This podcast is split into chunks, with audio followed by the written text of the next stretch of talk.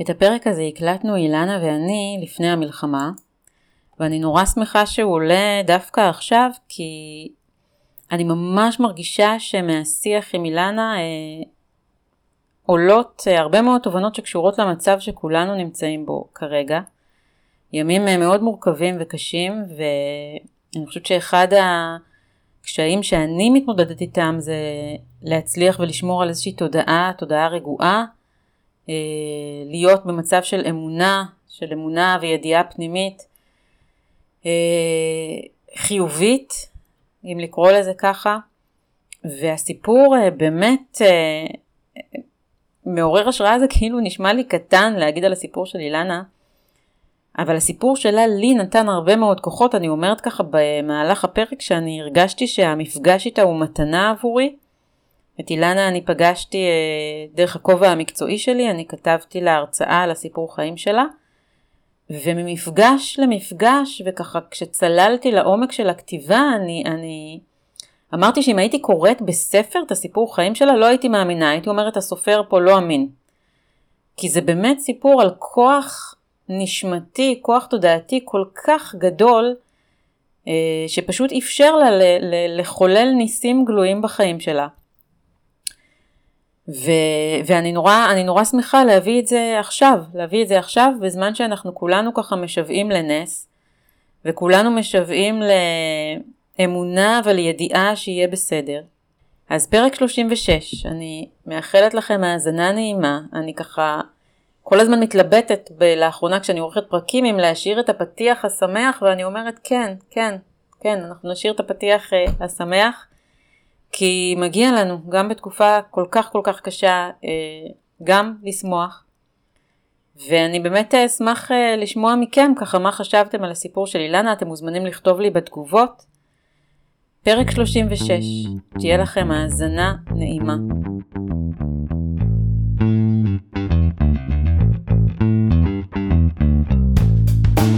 לחיות בתפקיד הראשי, הפודקאסט של יעלי קוגן.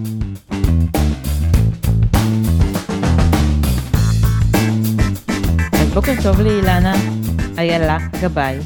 בוקר טוב יעלי. אני ממש מתרגשת לארח אותך כאן, אנחנו קראנו לפרק, ככה כשחשבתי אה, על שם הפרק עם אילנה, אז זה היה, ישר עלה לי להפוך את הבלתי אפשרי לאפשרי, וכשחשבתי איך להציג אותך אילנה, אז נזכרתי בסרט המרדף לאושר של וויל סמית, אחד הסרטים הטובים, ויש שם קטע ש... אה, הבן שלו והוא באיזשהו סוג של דיאלוג, ואני לא זוכרת מה בדיוק היה, זה היה משהו עם כדורסל, ואז הוא אומר לילד שלו, בחיים אל תיתן לאף אחד להגיד לך מה אפשרי או לא אפשרי בשבילך לעשות, רק אתה תחליט. וזה תמיד קטע שאני בוכה בו בסרט, כי זה קטע נורא נורא מרגש. ואיך ככה שהתחלתי את הרעיון, פתאום זה עלה לי, ואני חושבת שהייתה הדוגמה הכי טובה שאני מכירה למישהי שבאמת מצליחה באופן שיטתי, אני יכולה אפילו להגיד, להפוך את הבלתי אפשרי לאפשרי, ואני לא מדברת על דברים uh, קטנים, אני מדברת על דברים שממש בגדר ניסים. איך אמרה חגית מעוז שהתארחה פה uh, בעונה הקודמת? את נס מהלך. נכון. ואני רוצה להתחיל את הרעיון בהתקלה, אנחנו אפילו עוד לא יודעים מי את ומה את עושה, אבל לשאול אותך, מתי בפעם הראשונה את ידעת, היה לך איזה קול פנימי שאמר, אני אהפוך את הבלתי אפשרי לאפשרי. אנחנו עוד לא יודעים כלום על איילה אילנה, אנחנו מתחילים ככה מההארדקור. אני חושבת ש...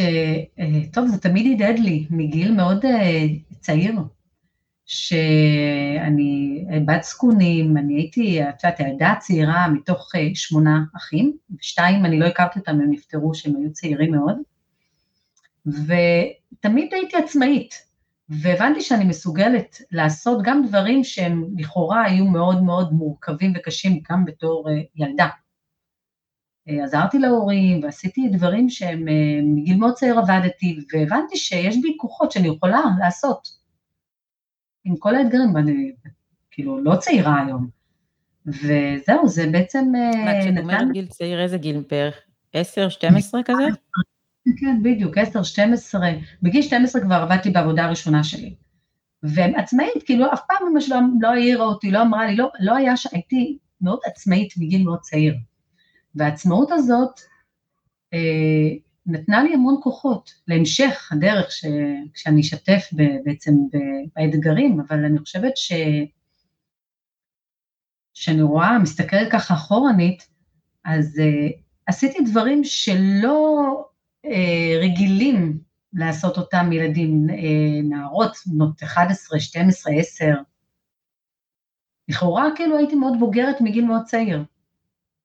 אני לא מדברת אפילו על בוגרת, אני מדברת על זה שבאמת, אני אשתף אתכם שאני מכירה את אילנה, כי יש לנו איזושהי דרך משותפת, אני כותבת לאילנה הרצאה על הסיפור חיים שלה, והיא ככה מדבר, מדברת ב...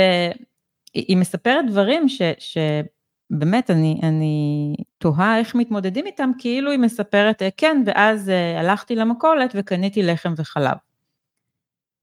כשזה דברים סופר גדולים ולך הם נראים מאוד מאוד פשוטים, אני, אני, אני כבר אשתף, כי אמרתי, אני אתחיל מההארדקור, mm-hmm. בגיל מאוד מאוד צעיר, כי אישה צעירה, אה, אילנה ישבה אצל הרופא, שבשיא הפשטות אמר לה, בעוד כמה שנים את תהיי נכה על כיסא גלגלים, את סובלת מניוון שרירים, תכף את תספרי, הוא אמר לך הבשורה הטובה והבשורה הפחות טובה.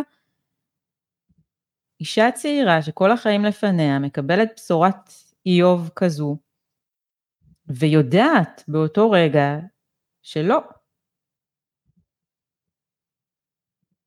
כן, בואי נחזור כן, רגע זה... לרגע הזה, אילנה. שאת אישה צעירה שכל החיים לפניה, עם חלומות, ופתאום ברגע אחד כל המציאות שלך מתערערת, מאיפה מצאת את הכוח, שאחר כך הפך גם למציאות שלך, להגיד לא. אני חושבת שהכוח הזה זה האמונה בחיים, האמונה שאוקיי, יש איזה בשורה, בסדר, אז הרופא אמר, אה, אני ממש חשוב לי לשתף שבהתחלה כן היה, היה איזה סוג של הכחשה, ואני חושבת שגם ההכחשה עזרה לי קצת. כאילו לשים את זה רגע בצד ואין לי כלום. אבל זה לא שאין כלום, זה קיים. אה, זה חלק מהחיים שלי, אבל לא, לא הצלחתי להודות בזה, כי המשכתי את החיים שלי ובסוג של הסתרה, הרבה הרבה שנים. ו... ולא רציתי לקבל את הבשורה הזאת, ולא רציתי גם שזה יהיה חלק מהחיים שלי, כי ואז החלטתי שתמיד ראיתי בדמיון שאני עומדת על במות, שאני בריאה, שאני הולכת, אני לא יכולתי לראות את עצמי על כיסא גלגלים. זאת אומרת, זה לא משהו שהיה, ואני מאוד מאמינה בדמיון, כי הדמיון בעצם יוצר, כמו שאנחנו יודעות, אוקיי? הדמיון יוצר את המציאות של החיים שלנו, ויש לו כוח עצום. ו... ולא יכולתי לראות את זה בדמיון בכלל. ואז אמרתי, אם אני לא רואה את זה בדמיון, כנראה זה לא חלק ממני. אבל את יודעת, צריך, אה, את אומרת הכחשה, הכחשה זה כאילו מילה ש, שנשמעת שלילית, אני לא רואה את זה כהכחשה, אני רואה את זה כאמונה מאוד מאוד חזקה אצלך בכוח עליון שעוד התחיל, התחילה אז, ובעתיד שלך, איזשהו משהו עיוור שהולך נגד כל ה... נגד רופא, מומחה, בואי, כאילו זה לא שאת יודעת, אה, את יושבת מול רופא מומחה, ובעצם מערערת על, ה, על הקביעה שלו, בתור אישה מאוד מאוד צעירה, ש... אני, אני לא יודעת, אני יודעת שהיום באמת אנשים נוטים ללכת לכמה וכמה רופאים, אבל בזמננו רופא היה סוג של אל. זאת אומרת, מה שהוא אומר, זה מה שיקרה. ואני לא רואה את זה כהכחשה, אני רואה את זה מהצד, כשאני שומעת את הסיפור שלך כמישהי שאפילו אולי באופן תת מודע החליטה שאת הולכת אמ, לכתוב לעצמך את, ה, את הסיפור. ואת לא רואה בסיפור שלך עכשיו אישה שיושבת על כיסא גלגלים. Uh, לא, אני לא רואה, אבל uh, זה היה ממקום של, uh, כן, כן, שמעתי מה שהוא אמר, וזה הדהד לי, אבל יחד עם זאת החלטתי שאני ממשיכה את החיים שלי, זאת אומרת, אני לא נותנת לבשורה הזאת לערער לי את המקום שאני רציתי וחלמתי, ו, ודרך אגב, אני חייבת לשתף שתמיד הנראות הייתה לי מאוד חשובה, ופתאום כאילו לוקחים לי את הרגליים, וזה דבר uh, שערער לי הרבה הרבה את הביטחון. אז פיתחתי ככה שיטה שזה כאילו לא קיים, הניוון שרירים. גם אם הייתי צוחקת על זה, למדתי שיטה, כל מיני דברים, כדי אה, להעלים עין, גם אני כלפי אותו אתגר ומחלה, והרבה הרבה שנים לא יכולתי גם להודות בזה שזה מחלה. שוב פעם, מחלת ניוון שרירים זו מחלה אה, ניוונית שהיא עם השנים היא מדרדרת, זה כן, זה קיים, אבל אני לא נתתי לה מקום בחיים שלי שהיא תשפיע עליי, ו... ו... ואז בעצם תגביל אותי, זה הכוונה. כן. את יודעת, אה, את מדברת ואני ככה אומרת שהרבה פעמים יש לנו אה, מגבלות שהן לא פיזיות, הן נפשיות, הן אה, פנימיות, רוחניות לפעמים, שאיתם לדעתי לפעמים יותר קשה להתמודד ממשהו שהוא הוא, הוא פיזי. ואני מרגישה שאצלך הכוח, הכוחות הפנימיים שלך היו כל כך עוצמתיים וכל כך חזקים כבר בתור ילדה, כי כמו שאמרתי קודם, לבוא ולערער על משהו שהוא אומר לך, אדם, את יודעת, זה גם לא שהוא אמר לך אולי, הוא קבע לך עובדה, הוא אמר לך, יש לך ניוון שרירים בגפיים, וזה מה שמצפה לך לפי, ואת גם, אני זוכרת שאת סיפרת שככה, הגעת שם לחדר שלו ובחוץ היו אנשים על כיסא גלגלים, והוא אמר לך, זו את, בעוד כמה שנים. נכון, ממש. אני רוצה רגע לקחת אותך עוד, עוד אחורה, ואנחנו אחר כך נחזור ככה לנקודה הזאת של איפה, איפה הכוחות האלה נמצאים בגוף, ואיפה, איך את בעצם ידעת להוציא אותם מתוכך החוצה, ולשאול אותך איך זה התחיל, זאת אומרת, איפה התחיל הרגע שהרגשת שמשהו לא בסדר? אה, אני חושבת שכבר זה התחיל כשהייתי בתיכון תלמידה, אז את יודעת, בשיעורי ספורט היינו צריכים לרוץ מסביב לבית ספר את הריצות של העשר מטר, לא יודעת כמה זה, חמש עשרה, ואני תמיד הייתי אחרונה. כשלמדתי עתודאי, תעשייה וניהול, למדנו בהרצליה, אז uh, המעבר של הכביש הראשי שם, אז החברות שלי, הם עברו את זה בקלות, זאת אומרת, היא רצה ובקושי לא מסוגלת, כאילו, אני אומרת, היי, תחכו לי. ותמיד אמרתי, אני לא בכושר. ככה ראיתי את זה. וכשהשתחררתי מהצבא, נרשמנו אני ובעלי לשעבר, אה, אבא של הילדים שלי, נרשמנו לווינגייט, לחדר כושר, וגם שם היה את אה, קורס רייקי, וכבר זה עניין אותי אז, כי תמיד הייתי רוחנית. מאוד אהבתי את המעבר. אמרתי, טוב, ואז ב, בלימודים של הרייקי, אז היה קומה שלישית, שהייתי עולה, הייתי עולה ככה מאוד מוזר ובקושי, הבנות אמרו, תשמעי, את עולה מאוד לא, כמו זקנה. אז אמרתי לעצמי כזה, אוקיי, בואי, תלכי לעשות בדיקות. באמת, כי זה באמת היה מוזר. וגם בתחילת הקשר עם, עם, עם הגרוש, שהיום, אבא של הילדים שלי נקרא לזה בסדר, אז הוא, הלכנו למשחק כדורגל, והמדרגות הכפולות שם, היה לי קשה להעלות אותן, זה היה ממש בדייטים הראשונים, והוא נאלץ להרים אותי. ואז הבנו בעצם, אני יותר נכון, שיש באמת באמת פה איזה, אה, איזה משהו שאי אפשר אה, להעלים עין, להמשיך להעלים עין, צריך ללכת ולבדוק. ואז יצאתי ככה לכל מיני בדיקות, ומילים לא מצאו כלום, עד שהגעתי לאותו נוירולוג ברעננה, שאז הוא בעצם קבע את, ה... את העובדה, כי תראי, זה, זה, זה עובדה, אבל אני החלטתי שבאמונה שלי, אני לא אקח את זה כעובדה. כי עובדה זה משהו שאי אפשר, אה, אה, אין ספק עליו. כמו שאם תשאלי אותי עכשיו מה יש לי ביד אה, עט, עט זה עט, זו עובדה. אמונה ותפיסות עולם זה לא עובדה.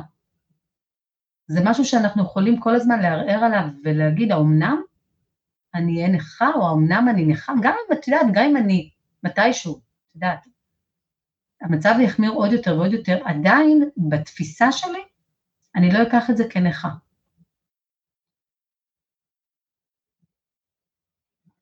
וזה משהו שאת חושבת הוא, הוא... כי, כי אני תוהה ככה, את יודעת, למאזינים שמקשיבים לנו, אם, האם זה כוח שנולדת איתו, או שזה איזשהו משהו שאנחנו יכולים לבנות, כי הרבה פעמים, אני, אני מאמינה, יש המון דברים שאפשריים לנו, שהדבר היחיד שמגביל אותנו זה, זה ה mind. זה המחשבות האלה, אני לא מסוגלת, אני לא יכולה, אני לא... ובך, אנחנו תכף ככה נתקדם בסיפור וככה ניתן נקודות בחיים שלך שאת בעצם קראת תיגר מעל הכותרת הזו, זה בלתי אפשרי עבורך ועשית למרות הכל, האם את חושבת שזה משהו שאנחנו יכולים לפתח באישיות שלנו, התחושה שכן, אנחנו מסוגלים, האם זה משהו שאנחנו יכולים לחנך את הילדים שלנו, שהם מסוגלים להשיג כל יעד או כל חלום? לגמרי, לגמרי. אני מאוד מאמינה בין, ברצון ובכוח הדמיון, לגמרי, וגם עם המתאמנות שלי, יש לי מתאמנת מדהימה שעושה שינויים שהם אפילו היו בלתי אפשריים עבורה. ומספיק שהיום בבוקר היא שלחה לי הודעה סתם על העמדה ועל המקום ועם דברים שהיא כותבת, ואני אומרת, וואו, כאילו, האם את מזהה את זה בה? כאילו, אני שואלת אותה. זה דבר שבטח שזה אפשרי, ולכן, שוב פעם, יש את המקום הזה של אה, מה ש... במודעות ובהתפתחות האישית, שהיום אני חושבת שרובנו מאמינים בעניין הזה של האימונים וה-NLP, ואיך אנחנו בעצם יכולים אה, במוטיבציה להפוך את, ה, את, ה, את המקומות החשוכים בחי, בחיינו, להפוך אותם למקומות של עוצמה ושל אור. זה לגמרי אפשרי. כן, את יודעת, לא אבל יש איזו תחושה של, לי לפחות, שהרבה פעמים זה נשמע כמו קלישאות וסיסמאות. אני כמובן מאמינה בזה לחלוטין, כן? אחרת לא, לא הייתי מדברת על זה כל כך, אבל את כאילו לקחת את הקלישאה והפכת אותה לדרך חיים. כי לי בתחושה, ברגע הזו שאת אמרת, את קוראת לזה הכחשה, אני קוראת לזה התמודדות. התמודדות. לא. נכון. ואני אלך איתך כמה שנים קדימה, שהרופאים אה, שהתייעצת ורצית להביא ילדים לעולם, הם המליצו שלא. הם אמרו נכון. שהמחלה יכולה להידרדר, וש... ואת בהחלטה מאוד מאוד אמיצה, כי את יודעת, היו עוד אופציות, יש עוד אופציות חוץ מלהיכנס להיריון.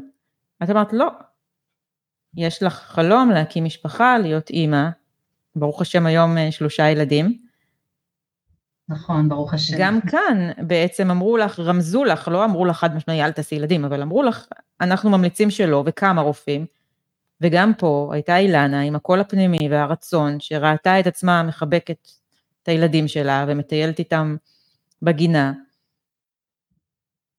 גם כאן אני רוצה לשאול אותך, מה היה ה... כי, כי אני באמת רוצה לנסות ללמוד ממך, ללמוד ממך איך כשלי יש משהו, איזה חלום או, או יעד או משהו שמאתגר או קשה לי, איך אני יכולה לבוא ולהגיד, לא, אני יודעת ש, שאני מסוגלת. אני חושבת שבנקודה, שהצגת את זה מאוד יפה וזה כל כך נכון, שהנקודה ש, שאני הייתי ממליצה לנשים שעוברות משבר, ומרגישות שזהו, שהן אה, מתייאשות, אוקיי? ומוותרות. זה באמת באמת לראות מה הם, להתחבר לכוח הזה של מה הן באמת רוצות. זאת אומרת, כל משבר, ואנחנו יודעות את זה, זה לא קלישאה, שהרבה נשים שעברו גירושים או עברו זוגיות אה, לא טובה, ובסוף הן יוצאות ממקום הזה, והן, ההפך, הן כבר מחזקות נשים, והן אומרות, אני הייתי, הנה זה אפשרי.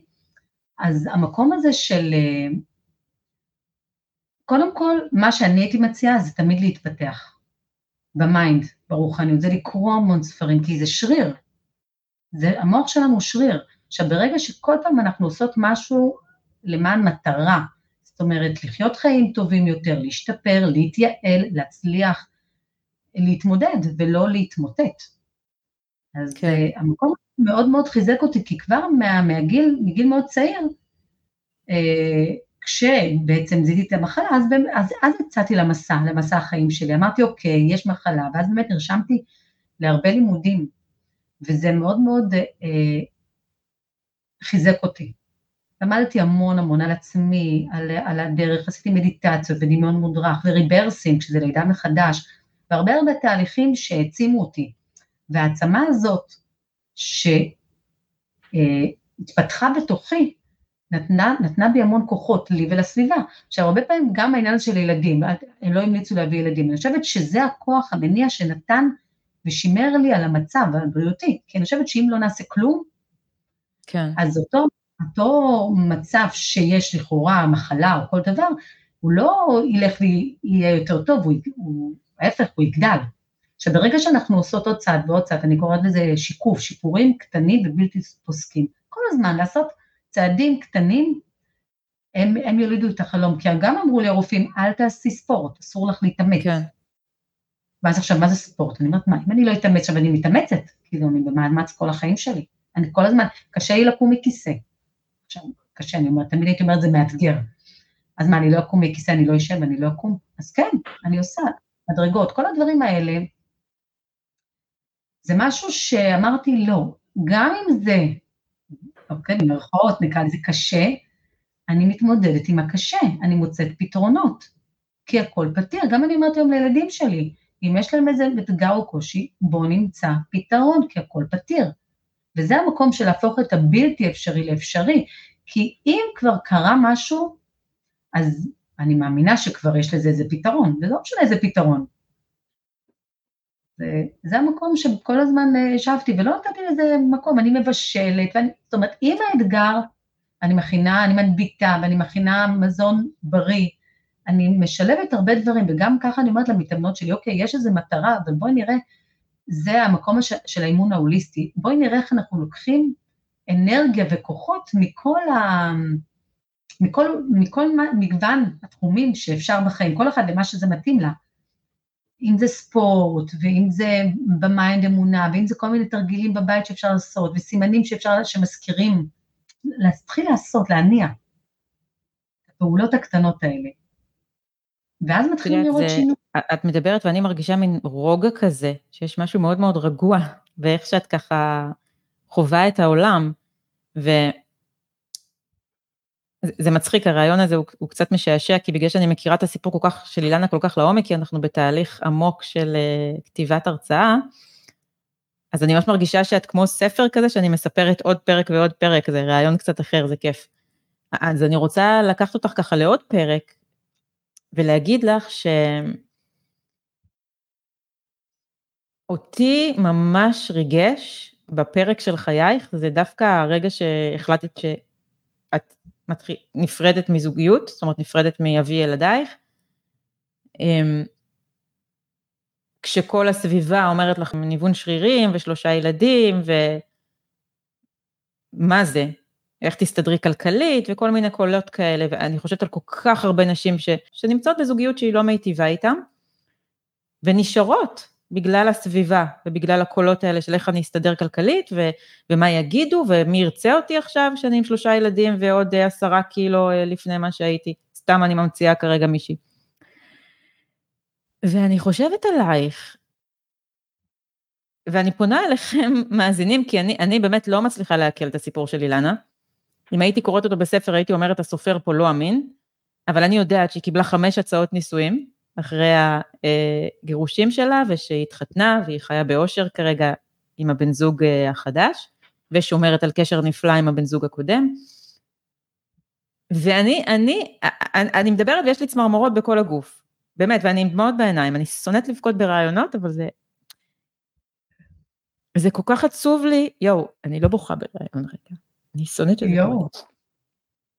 אני לא חותכת את זה בעריכה, תתמודדו. אמ, אני חושבת על כל אותן נשים שנמצאות בזוגיות לא טובה, ולא מאמינות בעצמן, ולא מאמינות שהן יסתדרו כלכלית, ולא מאמינות שמישהו, שהם ימצאו אהבה חדשה ומיטיבה, ו... ואני מסתכלת עלייך, ואני באמת מרגישה את חגית, מעוז, שאומרת, את נס.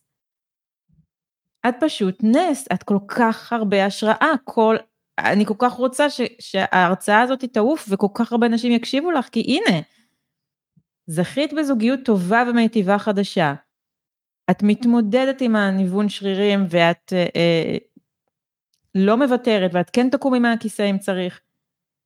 והכל בחיוך וברוגע ובתחושת הודיה על השפע שיש לך בחיים. ואני אומרת לך שאני נפעמת ממך, באמת, את כל כך צנועה שזה קצת מרגיז. אוקיי, זה... מבינה טוב. מה אני אומרת? את, את כאילו מרגיש לי שאת... אה, שאין אישה בישראל שאני לא רוצה שתשמע אותך. טוב, אז קודם כל תודה, ואני אגיד לך, אה, זה לא אני, זה לא, לא באמת אני, אבל אני אגיד לך, אני, אני קיבלתי מתנה, באמת קיבלתי מתנה, והמתנה הזאת זה משהו שאני רוצה להעביר הלאה. אני יכולה להגיד לך שהתפנית המשמעותית בחיי, זה שהחלטתי לבחור בעצמי ולהתגרש במקום שבאמת לא התאים לא לי ולא לו. זאת אומרת, אי אפשר לחיות בזוגיות שהיא, שלא הצלחנו לגשר על הפערים ועל התקשורת בשביל, רק בשביל הילדים. זאת אומרת, אם יש זוגות שהחליטו לעשות את זה בסדר, אבל טוב, ממקום של החלטה, אבל אני הרגשתי שזה התפנית כשבחרתי בעצמי, ואמרתי, זה כבר לא זה, זה מוריד אותי, וכמה אפשר, גם עם ניוון שירים וגם עם להתמודד עם כל כך הרבה דברים, גם להתמודד עם זוגיות שהיא, שהיא לא מטיבה עימי, ואני חושבת שזוגיות, המקום של זוגיות זה העצמה של כתף לצד כתף. אנחנו אה, לא מקטינים ולא מורידים, ולא, ו, ו, ו, ושם ביחד לצמוח ביחד. והרגשתי שאני לא מצליחה לצמוח, אני, בתור, מי אבל, זאת אבל מאיפה היה לך את האומץ? כי נשים נשארות בזוגיות שלא מיטיבה איתן, למרות שהן לא מאושרות. כי, כי יש את הצד, ה, איך אני אגיד לה, להתפשר, על כן לשמור על הילדים, על רמת החיים, על, אני מדברת איתך לגמרי מסיפורים אמיתיים שאני מכירה. מאיפה היה ה...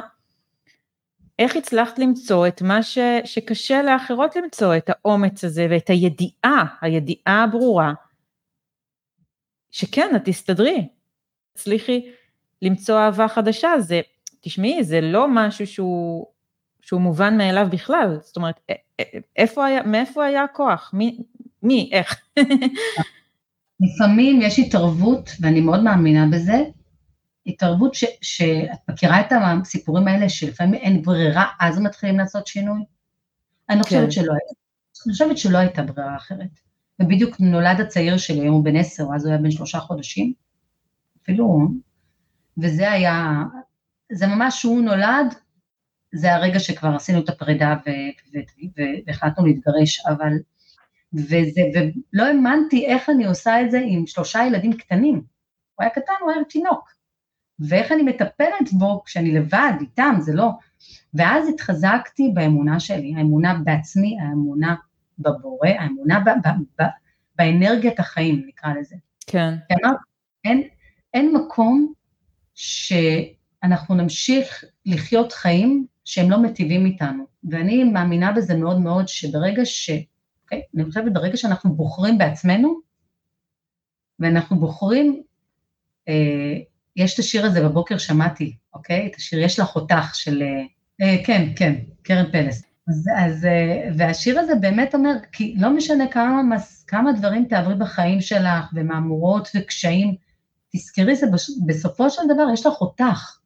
ועכשיו, כן. כשאת בתוך זוגיות, שלא משנה, היא, היא לא, שגם ניסינו הרבה, ניסינו, הלכנו לטיפולים, אני אישית הלכתי הרבה הרבה לפסיכולוגים ולאימונים והכל, כי אני מאוד מאמינה ב, ב, בטיפול ובשינוי. אני כל הזמן, לא משנה כמה שאני, אני מאוד מאמינה שצריכים, שאני, שאני בוחרת בלעשות תהליך עם עצמי, לצמיחה, לגדילה, לשיפור, אה, גם במישור הפיזי. וגם במישור רוחני, מנטלי, רגשי. ו, וזה לא צלח. אז למה להישאר במקום ש... ש, ש... אבל לא היו מחשבות, את יודעת מה, עזבי מחשבות, אני יודעת שאמרו לך בסביבה, תשמעי, את לא תמצאי מישהו אחר במצבך. אני אומרת את זה הכי קורקט, הכי כאילו לפנים. היו, גם איך תסתדרי? כי באמת הוא היה מפרנס, אני עבדתי תמיד, אבל הוא היה המפרנס הכלכלי הראשי, כי... אבל uh, עדיין, אני חושבת שאם נתחבר למקום הזה של סף הכאב או סף העונג, Mm-hmm. איפה יותר, אמ, אם, אם הכאב עולה על העונג, אז פה אנחנו נחליט לעשות את השינוי.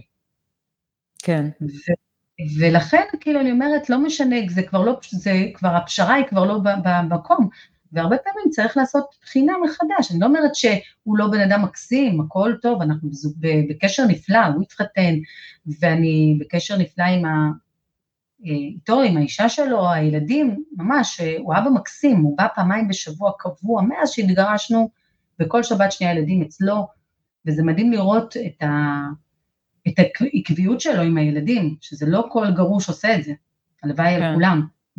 אבל אני רוצה לחזור אלייך ולשאול אותך שוב, כי את יודעת, אני פתאום, את מדברת ואני פתאום מבינה שיש לך טבעי, משהו של, ש, שאני לפחות כרגע לומדת אותו.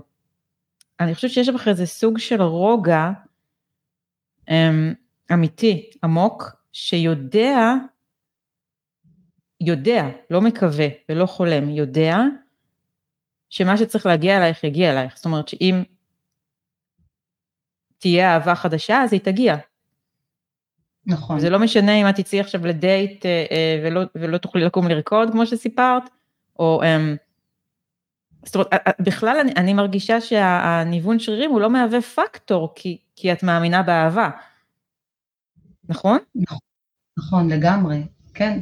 יש בי, כן, תראי, אני, זה מצחיק, לפני כמה ימים דיברתי עם הבן שלי, האמצעי, אה, על אמונה וידיעה. כן. אמונה, מה זה, ואמונה זה דבר מאוד מופשט, כן, אנחנו נכון. מאמינים, אנחנו לא יודעים על מה אנחנו, זה משהו מופשט כזה, אוקיי, יש לי אמונה ב... אני מאמינה, בסדר. אבל ידיעה זה משהו שאני יודעת, זאת אומרת, היא כבר, אני חושבת שכשדיברנו על זה ביחד, הבנו, והוא נתן לי כזה את ההבזק הזה. הוא אומר, אם הידיעה זה יותר חזק מאמונה. נכון. זה כאילו, ואמרתי לו, וואו, זה נכון, כאילו, ואני חושבת שבמהלך החיים שלי, הידיעה הזאת שיהיה בסדר. עכשיו, אני גם הרבה פעמים, אני לא זורק את עצמי יותר מדי על העתיד, ולא חושבת יותר מדי על העבר, אני משתדלת לחיות את הרגע הזה, כאילו. לא, אני צוחקת, כי אני רק שלא תעיזי להמליץ לי על הספר של אתגר טולה, שכל מרואיין פה ממליץ לי, ואני לא מצליחה להבין את הספר הזה. לא, אבל, אבל זהו, אני לא צריכה את הספר, כי, כי יש לי אותך, ואת כל כך שם, את כל כך שם. נכון שיש רגעים שאני גם נשברת וגם, אבל הם רגעים שאני מבינה ומכילה, ואני אומרת, אוקיי, אני מאפשרת לזה לקרות עכשיו, זה בסדר, אבל אני לא נשארת בתור זה. זאת אומרת, אני לא נותנת לה, גם לא נתתי למחלה הזאת לנהל לי את החיים. אני מנהלת כן. את החיים. שזה בדיוק לחיות בתפקיד הראשי, את יודעת, אני רוצה רגע שנדבר על המהות של, של הפודקאסט שלי, שהרבה פעמים אנשים שאלו אותי, מה הרגע, אז לכתוב את התסריט זה אומר שאני כותבת מה קורה לי? ממש לא. אני יכולה לתכנן כמו שאומרים, אבל דברים קורים. אבל אני כן יכולה לכתוב בתסריט, יש, כשכותבים מחזה, אז יש תמיד את, ה, את הפעולה שהדמות עושה עם, עם מה שקורה. אז את הפעולות אני לחלוטין יכולה לכתוב. זאת אומרת שאם את כרגע מתמודדת עם איזשהו משהו, את מחליטה איך לנהל אותו, ואת הגדרת את זה עכשיו נורא יפה, ואני רוצה לקחת אותך לשפה של התפקיד הראשי ולשאול אותך במחזה של החיים שלך, שכתבו לך פתאום ניוון שרירים, אם את יכולה לנסות ככה להסביר, איפה, היה, איפה הייתה הנקודה שאת ידעת, ידעת, לא האמנת, שאת זו שהולכת בעצם לנהל את זה, ולא זה הולך לנהל אותך. כאילו טכנית, מה עשית? אז, אז קודם כל הפעלתי את הדמיון. בדמיון לא נתתי לזה מקום שאני יכולה לראות את עצמי, תמיד גם אמרתי את זה, אני לא רואה את עצמי ככה, זאת אומרת בדמיון ראיתי אותי ממשיכה לרקוד, ממשיכה לעלות מדרגות, ממשיכה לפעול ולעשות. אז זה קודם כל תמיד ציירתי את זה בדמיון. דבר נוסף, זה כמו שפעולות, הדברים שאנחנו עושים ביום-יום, אני מאוד מאמינה במשפט, בדבר הזה שאני אחראית על הבחירות שלי, כן. על הדרך שלי. וכן, לעולם התוצאות הן לא, לא בידיים שלנו. אני יכולה להיות אחראית, עכשיו אני בוחרת uh, לקום, ללכת uh, לבית קפה עם חברה, וזה, אבל התוצאה בסופו של דבר, אם היא תקרה או לא תקרה, היא לא בידיים שלנו, כי פתאום אולי החברה תתקשר, תגיד, וואי, אני בחום, אני לא באה, דברים יכולים לקרות, אבל כן. הבחירות שלי בידיים שלי, הבחירות שלנו, של איך נעשה, ומה נעשה, ומה נקום, ואם נקום היום בבוקר עם חיוך, או אם נקום בבוקר עם איזה פרצוף אה, תשעה באב, אנחנו בוחרות. והמקום הזה של אולי לתת איזה נגיעה, או איזה ככה השפעה לנשים, שלא משנה עם מה מתמודדים בחיים, צריכים לקחת את הרגע ולהגיד, אוקיי, זה כבר קיים, זה כבר חלק מהחיים שלי. האם אני אסתכל ואני אגיד מיקוד, תשומת לב, אנרגיה, ונגדיל אותו ונעשה אותו הר ויותר מדי, או אוקיי, זה מה יש, בואי נסתכל עליו בעיניים, ונצמצם אותו, ונגדיל את הדברים שאנחנו כן רוצים. כן. לא, זה אתגר. נכון, יש אתגרים שהם מאוד מאוד קשים, ואני לא מאחלת לאף אחד להתמודד, במיוחד לא עם בעיות אה, בריאותיות, כי זה דבר שהוא... ואני עברתי המון, באמת, גם בריאותית ובבתי חולים ושברים ועניינים ודברים שהם, אבל בתוך כל החושך הזה, ראיתי את הטיפת האור, כי חייכתי, לא יודעת, את, ה, את הניצוץ הזה שכן, אוקיי, זה, גם זה כאב, ואני אומרת, לא, זה, יש בזה משהו טוב, ואימצתי עוד דבר שחשוב להגיד, שאימצתי עם השנים את המילה תודה והכרת הטוב. כן. שנתמקד, והתודה זה שורש תודה זה ידע, י' ד' ה', וגימטריית המילה תודה זה אחד. כשאנחנו mm. אומרות תודה, אנחנו מתח, מתחברות לאנרגיה האחד, האנרגיה שהיא היא האינסופית. מתחברות אלינו, אוקיי? Mm-hmm. ומתחברות לאנרגיה הזאת, הקוסמית, לבורא, לאין סוף, לאור, להשפעה של הטוב. ולכן התודה, ואנחנו יודעות, זה לא קלישאה, זה באמת, אם נתרגל את זה כל הזמן ונגיד תודה על מה שיש, ותשמור לנו על הקיים. האמת, אני שנים התפללתי שאני אהיה בריאה, ושאני ארוץ, ואני אלך, היום את יודעת, אני מתפללת שישמור לי על הקיים. כן. כי זה לא מובן מאליו מה שיש. תשמור, תשמור לנו על הקיים. יש, כי את שומעת כל כך הרבה דברים, וזה כל כך מזעזע, אני לא יכולה לשמוע חדשות, אני, אני מאוד רגישה בדברים כן. ששומעים. ואני אומרת, את יוצאת ככה עבודה ופתאום שומעים דברים מזעזעים שמי היה מתכנן?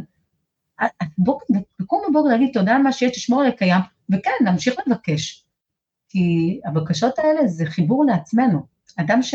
שלא יודע לבקש, הוא, לא, הוא, הרי למה אנחנו צריכים להתפלל ולבקש? בשביל מי? בשביל הבורא? לא. הבקשות זה חיבור לרצון העליון, זה מתחבר להרצאה. נכון, אני מדברת על זה הרבה פה, נכון.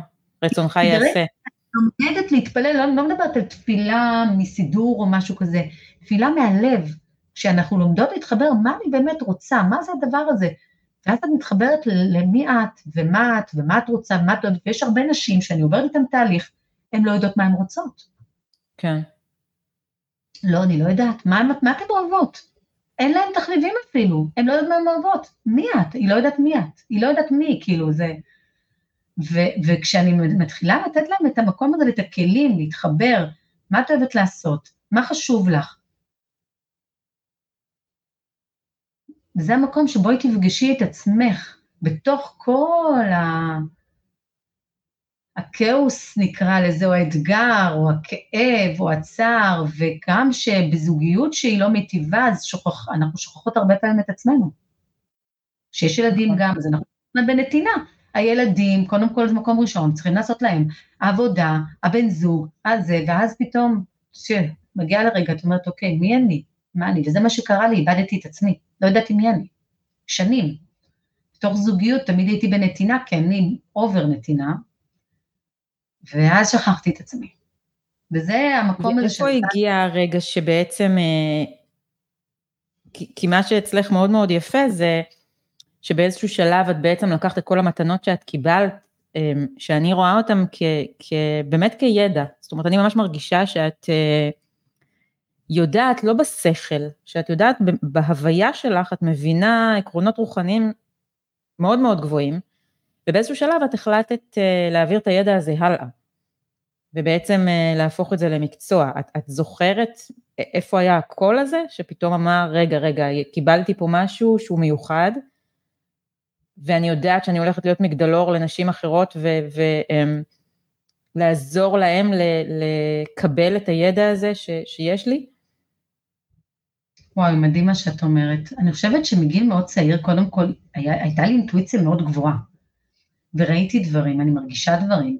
וכשלמדתי את התקשור עם שורש הנשמה, אה, אצל עודד שם טוב, זיכרונו לברכה, הוא היה מנטור שלי, הוא היה משהו אימא'לה.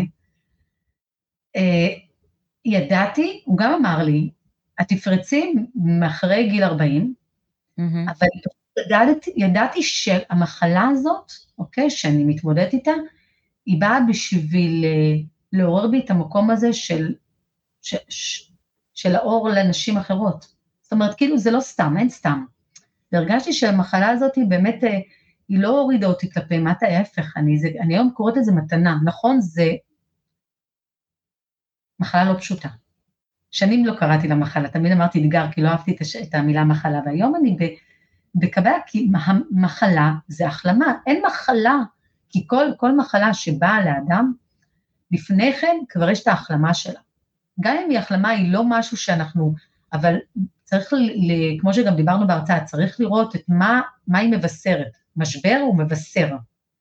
כן. ואני ראיתי במהלך השנים, גם אם לא הפכתי את זה, זה רק בשנים האחרונות הפכתי את זה כמקצוע, אבל כל אישה שבאה אליי, אז היא אמרה לי, וואו, זה כאילו, זה היה איזה סוג של השראה, היא אומרת, אם היא יכולה, כאילו, אם אני יכולה, אם אני מסוגלת, ועם הכלים שרכשתי עם השנים ואימצתי על עצמי, אז בטח גם אני יכולה, ולכן ה, ה, זה היה נורא מדויק, גם להן, כאילו לעבור את התהליך שהן עוברות, ואת הקושי ואת העוצמה ואת הכאב ואת הבכי, שאם זה במפגש אה, אה, ראשון הן בוכות, במפגש שלישי כבר את רואה אותן כולן עם אנרגיה וחיוכים, ו, ואני כל כך, זה, זה, אני לא נותנת לעצמי את הקרדיט, ממש לא, כי הן עושות עבודה, אבל משהו באנרגיה, משהו בהכוונה, משהו בהבנה הזאת, ש, שהשינוי כבר קורה. עצם העובדה שהיא התחילה לעשות שינוי, והיא בוחרת בעצמה לעשות שינוי, כי אנחנו הנכס היקר ביותר, גם אם אנחנו כל כך דואגות לילדים שלנו, אבל אם לא נדאג לנו, אז לא, ילדים רוצים לראות אימא מאושרת. כן. ו- ו- וזה המקום ש- שאני ראיתי את זה, כאילו, אני אוהבת את זה, אני פשוט, אני חושבת שהאנרגיה שלי עולה כשאני עושה את הדברים האלה, כשאני מאמנת, כשאני מרצה, כשאני מעבירה סדנה, שאני, האנרגיה שלי, כאילו אני יכולה לא, לא לישון יום, יומיים, אני לא יכולה להירדם אחרי זה, כן, אנרגיות, כאילו זה... באלמנט שלך, בייעוד שבאת, שבאת איתו. ושנים אנחנו עוברות לחמש בעשר, למרות שאני יכולה לדבר איתך פה עוד שלוש שעות, אבל אנחנו עוברות לחמש כן. בעשר, שזה חמש שאלות שאת צריכה ממש מהר מהר לענות, בלי לחשוב, ואני מתקילה אותך בכל מיני שאלות שאין לי מושג מה הן, כי אני פשוט ממציאה אותן כרגע. אז השאלה אוקיי. הראשונה היא, אמ, מה היית אומרת לאילנה הילדה, בת החמש, ממרומי גילך? משפט אחד. אה, שאני גאה בה. שאת גאה בה? כן, כן, כן. הייתה ילדה חרוצה. שאלה מספר שתיים, מה החלום הכי משוגע שלך? משהו שכאילו, את אומרת וואו, את זה אין סיכוי שאני אעשה, אבל את תעשי. אה, החלום הכי משוגע שלי, וואו. טוב, אני חושבת שאני מגשימה היום את החלום, החלום, אבל לא יודעת אם הוא משוגע. וכן, לא, לא, לא את החלומות של מה לעשות בעסק וכזה, משהו מוטרף כזה. אה, אני הייתי רוצה לעשות טיול, אה, טיול משמעותי כזה ל... לא יודעת, תאילנד. אחרי צבא כזה? כן, עשיתי אחרי צבא עם חברות באפריקה, אבל הייתי רוצה היום במצב שלי, עם כן. האתגר הזה, טיול משוגע כזה, או תאילנד, או ארצות הברית. כן, המילה שאני עושה. רעיון מהמם. אחלה חלום. כן.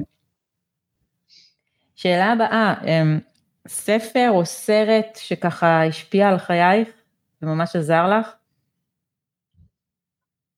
אה, תראי, כוחו של תת המודע זה ספר טוב, למרות שלא קראתי אותו, כי יש לי קטע עם ספרים שאני קוראת התחלה, אמצע וסוף. מזל טוב מי, אני לא, אני לא, הפרעת קשב. אה, ספר טוב, ואתה יכול לרפא את חייך.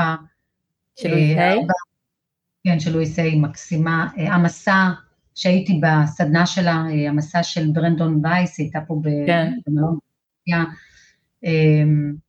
כל מיני תהליכי כאלה של ריפוי, אהבה עצמית. יש הרבה, לא...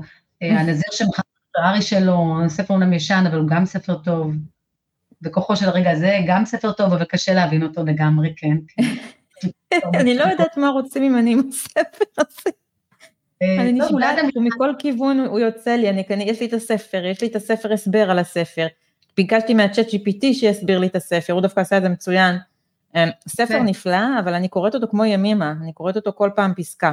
כי מאוד מאוד כן. קשה להכיל את כל התובנות שיש בו בבת אחת. אז כל פעם אני קוראת פסקה, לוקחת עליה שבוע של עבודה אישית, ואז ממשיכה לפסקה הבאה. נכון, אבל לא ספר, ספר מדהים. אה, ספר שצריך לקרוא אותו לאורך זמן. כן, בדיוק. וכל פעם שאתה קורא אותו לזמן, אז עוד, עוד נקודות. אבל עוד ספר שלי, שלי עשה, חולל הרבה שינוי, זה ליקוטי מוהר"ן של רבי נחמן.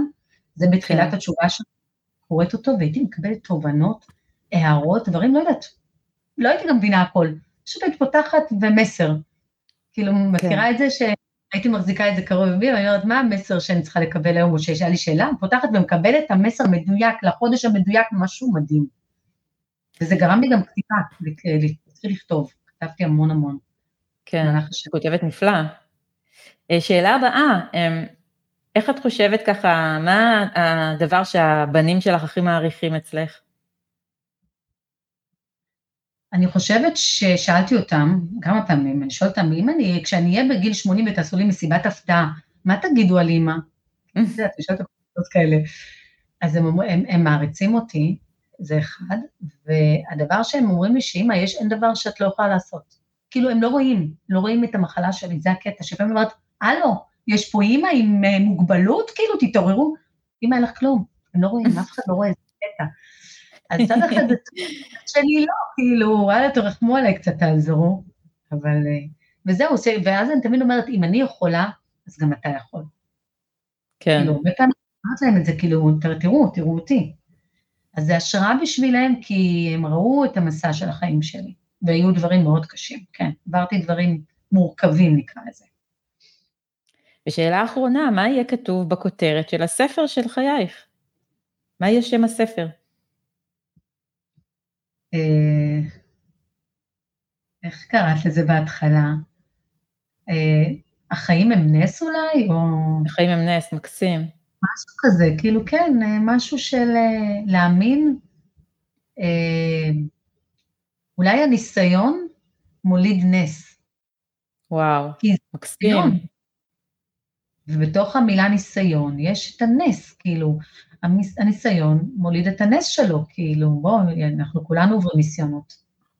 אז בואי נתבונן רגע בתוך הניסיון הזה ונראה מה הנס הזה, זה כמו אה, בתוך בצר הרחבת לי. במקום הצר, אם נתבונן כן. מה ההרחבה של זה, אז נראה את, ה, את המקום ה, של הצמיחה והגדילה. אני מאוד מאמינה ב, שאין אתגר שלא בא לעולם, לכל אדם, מהמם. והוא לא יכול באמת לפצח אותו, גם אם הוא לא יצא ממנו במאה אחוז, אבל הוא יכול לצמוח מתוך האתגר הזה. וואי, אני רוצה להגיד לך ממש ממש תודה, וממש לשתף אותך שבשבילי זה, זה מתנה שהגעת לחיי, באמת. אני חושבת שאת אה, את אחת הנשים המדהימות שפגשתי, את כל כך כל כך מיוחדת, ואת כאילו, כאילו אם, אני, אם מדברים רגע על דמיון, אז יש לי בבית אה, איזה ארבעה מדפים של ספרים רוחניים, ביהדות, לא ביהדות, ב... אני פריקית של ספרים רוחניים מ- מאז שאני זוכרת את עצמי, ואני ממש מרגישה שכאילו את מין דמות כזו שיצאה מתוך הספרים, עם כל התובנות, והיא פשוט חיה אותם ברוגע הזה, את כאילו, אתה נזיר שמכרת כיסא גלגלים, להעיף אותו. והנה, יש לי שם לספר, הרבנית שזרקה את הכיסא גלגלים. לא, אבל יפה. באמת, אני ממש מרגישה שאת, אמ, כל התובנות, ש... הרי בסופו של דבר כל הספרים האלה מדברים על דברים די דומים, נכון. אבל שאת חיה את זה, את באמת באמת חיה את הרוח, ואת לא לגמרי פה, זאת אומרת מאוד מאוד מקורקעת, אבל יש בך איזשהו תדר רוחני מאוד מאוד גבוה שאת מביאה איתך, ולי זה היה ממש מתנה ככה לחוות את זה, ולהכיר אותך לעומק, ולראות שזה אפשרי, שאפשרי לקחת את כל התיאוריות ולהפוך אותן למשהו שהוא לגמרי בחומר, כי הרבה נכון. פעמים יש פער בין הרוח לחומר, ואת כאילו לקחת את הרוח והבאת אותה לחומר, ככה אני רואה את זה, ולכן את מצליחה לעשות את הבלתי אפשרי, כי כשיש רוח החומר הוא לא רלוונטי בעצם. נכון. החומר הוא אמצעי לפתח כן. את עצמנו ברוח, והשילוב הזה, זה שילוב מנצח. אני חושבת שאנחנו צריכים גם את החומר וגם את הרוח. אי אפשר, או, זה גם וגם. ואני אשתף אתכם ככה מאזינים שההרצאה ש... שלי אילנה ממש בקרוב עומדת לצאת, אני אשים לכם קישור פה בתגובות. והכי נשמח שתבואו לשמוע את הסיפור המופלא, המדהים, הנס, ולקבל השראה, כי באמת אני מרגישה שזה, שלא יוצאים אחרת, אחרי שמקשיבים לסיפור שלך. תודה רבה רבה רבה. תודה רבה, יעלי, ובאמת בהצלחה לכולם, שנדע טוב ומתוק. אמן. תודה.